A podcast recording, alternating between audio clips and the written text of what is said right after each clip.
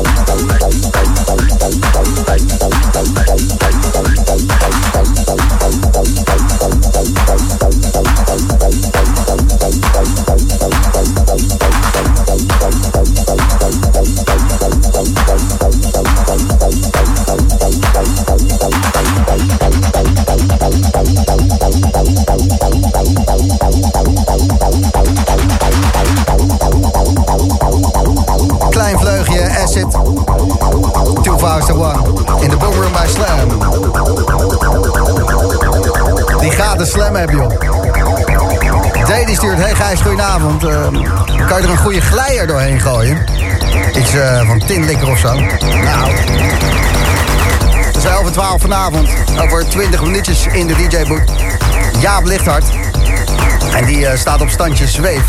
Die uh, komt net van een uh, jubileum af. Daar we zo meteen alles over, maar hij zit er lekker in. En zijn possie ook. Ik heb ze net uitgelegd wat Starnakel betekent. Nou, daar konden ze zich wel in vinden. Dus dat, zaterdagavond. Je luistert Slam. Het is de Boomroom. Techno door 2001.